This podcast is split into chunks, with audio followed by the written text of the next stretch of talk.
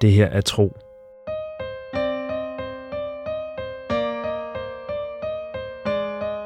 En eventyrlig podcast-fortælling i 55 afsnit.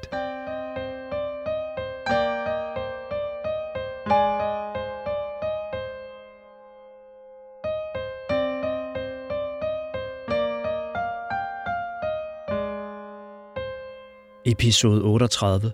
Jordens salte. Mens Lysanne ser til Tros hoved, gør Birn og Feras i hast baggal klar. Hvad var der i vandet? spørger Tro vandpigen. Men Lysanne siger bare, senere, nu må vi væk. Hun konstaterer, at hans sår ikke er sprunget op, og binder skyndsomt bandagen fast igen. Inden længe sidder Tro på kæren sammen med Feras, og Birn og Lysanne går ved siden af baggal. Dyret kan fornemme deres uro og bliver selv usikkert, men Tro læner sig frem og stryger det beroligende over ryggen. Så store fyr. Ikke bange, siger han igen og igen. Og til sidst lader dyret sig smitte af hans ro. Du svømmer ikke, konstaterer Feras, og Lysanne opfatter det skjulte spørgsmål. Ikke i det vand, siger hun. Hun virker ikke så nervøs nu, hvor de har bevæget sig væk fra stedet, de overnattede, men hun kaster stadig vagtsomme blikke ud over floden. Hvad oplevede du? spørger hun tro. En stærk kraft i vandet, der holdt mig fast og ville trække mig til sig, da jeg forsøgte at række ud til altet. Tro gyser ved erindringen om de voldsomme kræfter, der troede med at hive ham ud i vandet, hvor han enten ville gå under eller blive ført bort med strømmen. Lysanne ser undrende på ham. Sådan oplevedes det ikke af mig. Jeg mærkede ingen kraft, der trak i mig. Snarere, hun ser igen ud over vandet, som om hun der vil finde de ord, hun mangler. Snarere var det en manglende kraft, der mærkedes. Der er frygt i hendes øjne, da hun ser op på ham. Som om floden ikke bare var blevet forladt af dens fisk, men også var ved at miste selve den energi, der igen kunne gøre liv muligt.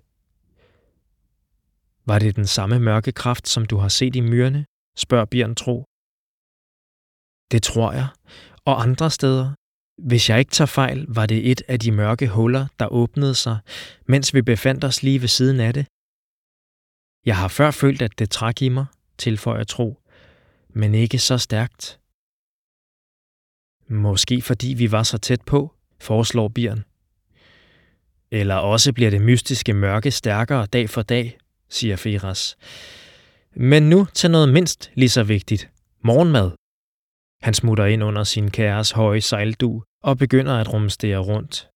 Selvom ingen af de andre havde tænkt over, at de havde sprunget et måltid over, bliver de glade for at se ham komme frem igen med favnen fuld af brød, tørrede frugter, en marmelade af sødbær, som leder Tros tanker tilbage på hans landsby, og endda et pænt stykke tørret kød.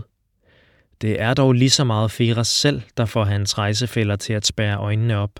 For den omrejsende har svøbt sig fra top til tå i et stykke skinnende jadegrønt stof, som ved hjælp af indviklede snoninger er blevet til en kropsnær heldragt. Det vil ikke være rigtigt at sige, at dragten klædte ham, men et imponerende skue er han ikke desto mindre her blandt sine trætte, forhudlede ledsagere.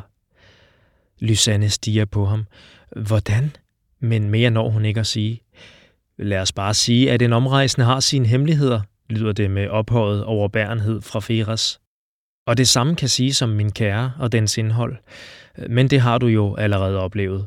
Han blinker til hende. Spis nu. Han rækker brød til Feras og Lysanne og skærer skiver af det tørrede kød til dem.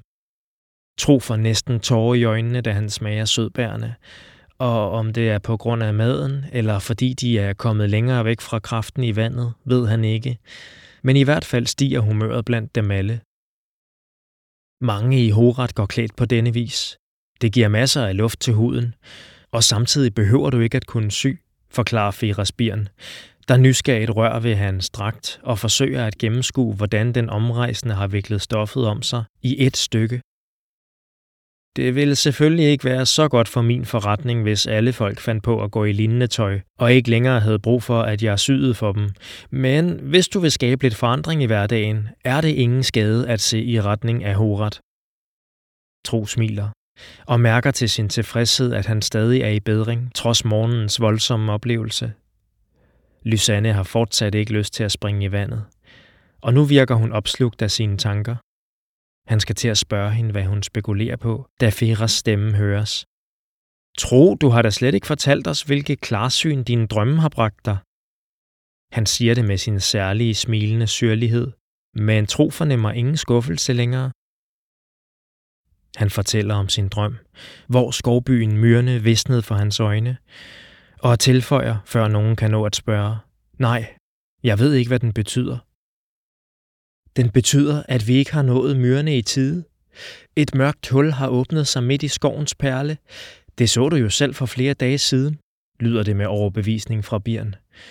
Men vi kan nå at advare Lav og hans folk og give dem en chance til at forlade stedet.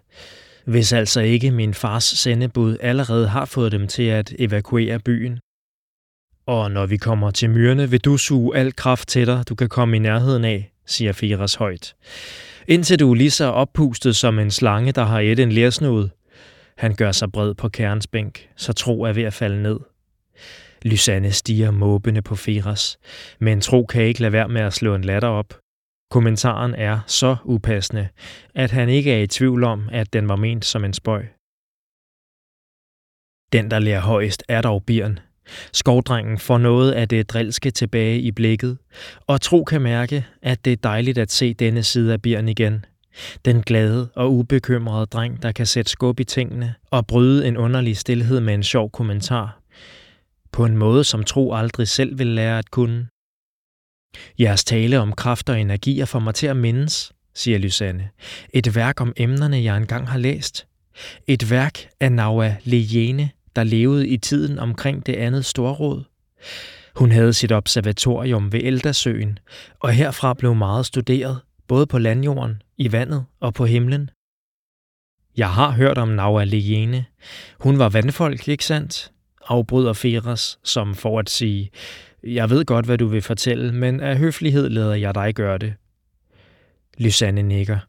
Værker om astronomi, biologi og meget andet er blevet skrevet af hende, men den bog, jeg tænker på nu, handler om hendes studier af verdens energier. Hvordan er vi opstået?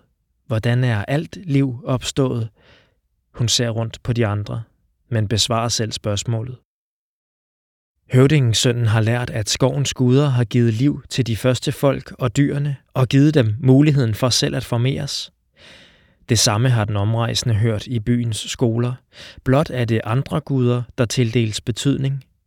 Slettedrengen tror på, at alt liv hører hjemme i altet, men lige meget hvad der tros på, må kraften til liv komme et sted fra. Noget må få tangplanten til at gro, frøet til at spire og skyde op af jorden, og barnet til at vokse i sin mors mave. Hun ser igen ud over floden, men virker ikke længere bange for, hvad der gemmer sig på bunden af den.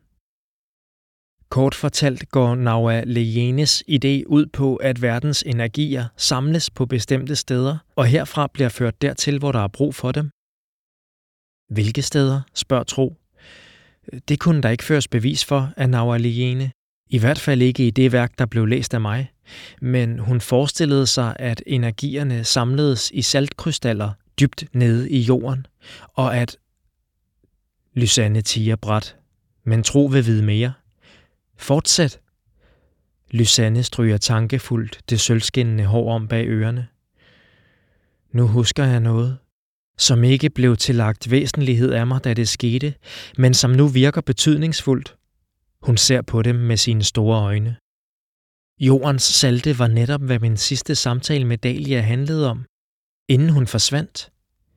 Lysanne fortæller, at storesøsteren havde virket mere tænksom end ellers den morgen. Hun havde ikke fået meget søvn om natten, men ligget og spekuleret en del, havde hun fortalt. Hun havde spurgt lillesøsteren, om hun kendte omtalen af saltkrystallerne fra Naua Lejenes bog om verdens energier. Og Lysanne havde fortalt hende, hvad hun kunne huske.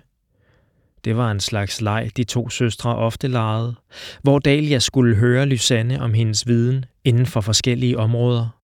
Og så skulle Lysanne forsøge at imponere sin lærer med, hvad hun vidste. Derfor havde hun heller ikke fundet det mærkeligt, at Dalia pludselig havde talt om salte og energier. Senere den morgen gik søsteren hen for at studere. Ingen så hende dog gå ind af bibliotekets store port. Det blev klart, at hun ikke var gået den vej. Men hvor var Dalia så? Tror du, krystallerne har noget at gøre med hendes forsvinden? Tro føler med Lysanne. Han har altid gerne ville have en søster eller bror, og han tør slet ikke tænke på at have en søskende, for så at miste ham eller hende. Det ved jeg ikke, siger Lysanne. I det hele taget vides ikke nok. Efter myrne må jeg drage videre til det store bibliotek i Nørrehavn. Der kan jeg måske finde mere viden, som kan hjælpe mig med at finde Dalia. Måske vi alle rejser den vej, siger Feras. Noget fortæller mig, at I bør møde gode gamle Tolarus. Så kan I grave jer ned i de støvede bøger sammen med ham og se, hvad der dukker op af glemte fortællinger fra verdens dyb. Den lille mand strækker sig. Stoffet, han har viklet om sig, giver sig og spændes ud og får ham til at minde om en flagermus, der spreder vingerne. Og når jeg har præsenteret jer for ham, vil jeg nyde et stort måltid mad og en helt tynd øl på den tabte tand, øh, min favoritkro, og en lang nat i en ordentlig seng. Han sukker og gør sig det mere behageligt i puderne. Den nat drømmer Tro igen om myrene. Han møder ikke den gamle mand med flætninger i skægget, men han står på broen sammen med Birn, Feras og Lysanne og ser ned i flodens vand, hvorfra han mærker det mystiske, ukendte mørke. Skal det gøres af mig? spørger Lysanne. Og Tro ser på Birn og Feras. De nikker begge, og han svarer hende. Ja. Uden yderligere tøven springer Lysanne i, de andre går frem og tilbage ad broen, mens de hvert øjeblik venter at se Lysanne komme op af vandet. Måske med en mystisk lysende krystal i hånden. Men det sker ikke. Bladene falder af træerne, og bakken rasler af i store flager, men lige meget hvor længe de venter, får de ikke Lysanne at se igen. Igen må vi spørge os selv, hvad drømmen betyder, siger Bjørn, da Tro fortæller dem, hvad han har set i løbet af natten. Vil den have Lysanne til at undersøge, hvad der er i myrenes vand? Eller vil den advare os mod at gøre det? Den morgen er Tro frisk nok til at vandre sammen med Bjørn og Lysanne, hvis lyst til at blive på vand ikke er blevet mindre af Tros drøm. Hans sorg er nu helet så meget, at Lysanne vikler bandagen af ham og lader ham gå uden. Efter at have vandret et stykke tid med Feras sang i ørerne, slår floden et knæk, og nu ser de den store bro foran sig, Både Tro og Lysanne går i stå, mens de beundrer den vældige konstruktion. Og Baggal opfatter det som en invitation til at stanse og æde. Jeg sagde jo, det var et imponerende syn, siger Firas. Skovens perle. Hvilke rigdomme gemmer du på denne gang? Han lægger sit sygtøj til side og sætter Baggal i gang igen med et dask over bagdelen. Ved middagstid er de så tæt på broen, at de kan se, hvordan træernes grene snor sig og vokser sammen og udgør den stærke forbindelse mellem myrnes to halvdele. Vent her, siger Birn, og de andre gør holdt, mens han træder frem. Vær hilset, folk af myrne, råber Birn, og ser på et bestemt sted i trækronerne. Jeg er Birn af Milanes horn, søn af Atix Melanes søn og Kali Isiris datter, og jeg kommer som gæst til skovens perle. Et øjeblik er skoven stille. Så høres tunge dump, og tre skovfolk glider ned fra træerne og lander i skovbunden foran dem. Det giver et sæt i Lysanne, men Tro tager hendes hånd for at berolige hende.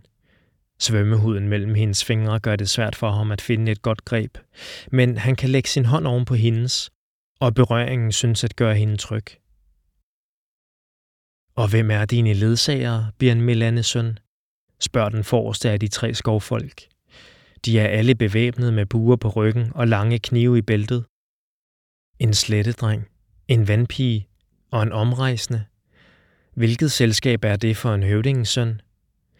Hans ansigt er åbent, så spørgsmålet er måske mere nysgerrigt end anklagende ment.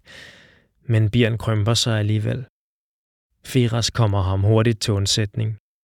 Jeg er, som du udmærket godt er klar over, Tavlor Mavaru Feras, ligesom jeg har været i alle de år, jeg har besøgt myrne. Ligesom jeg var dengang, du sad på mit skød og troede, at jeg forsvandt, når du blinkede med øjnene. De øvrige skovfolk er for disciplineret til at smile, men tro kan se morskaben i deres øjne, Og her har vi Lysanne fra Fjordby, når jeg, hvis I vil låne hendes navn og passe godt på det, og Tro fra Sletterne. Vi har rejst langt for at møde Lav Milanesøn. Vi har vigtige spørgsmål at drøfte med ham, og vi har været ude for voldsomme begivenheder på vores rejse, så vil du være så venlig at føre os til jeres høvdingemand? Selvom Feras er langt lavere end skovvagten, virker han mindst lige så høj, sådan som han fører sig frem med værdig alvor. Alligevel ryster skovmanden Tavlor Mavaru på hovedet. Det kan jeg ikke. Du kommer for sent, lyder en stemme for trosøger. Tavlor Mavaru ser på dem med sorg i blikket. Lav Milanesøn er forsvundet. Sådan slutter denne episode af Tro, men allerede på søndag kan du høre næste afsnit. På tropodcast.dk kan du finde et kort over alle stederne i fortællingen. Her kan du også se Christian Funders flotte illustrationer. Tro er skrevet, indtalt og produceret af mig. Jeg hedder Mikkel Prytz, og jeg håber, du vil lytte med næste gang.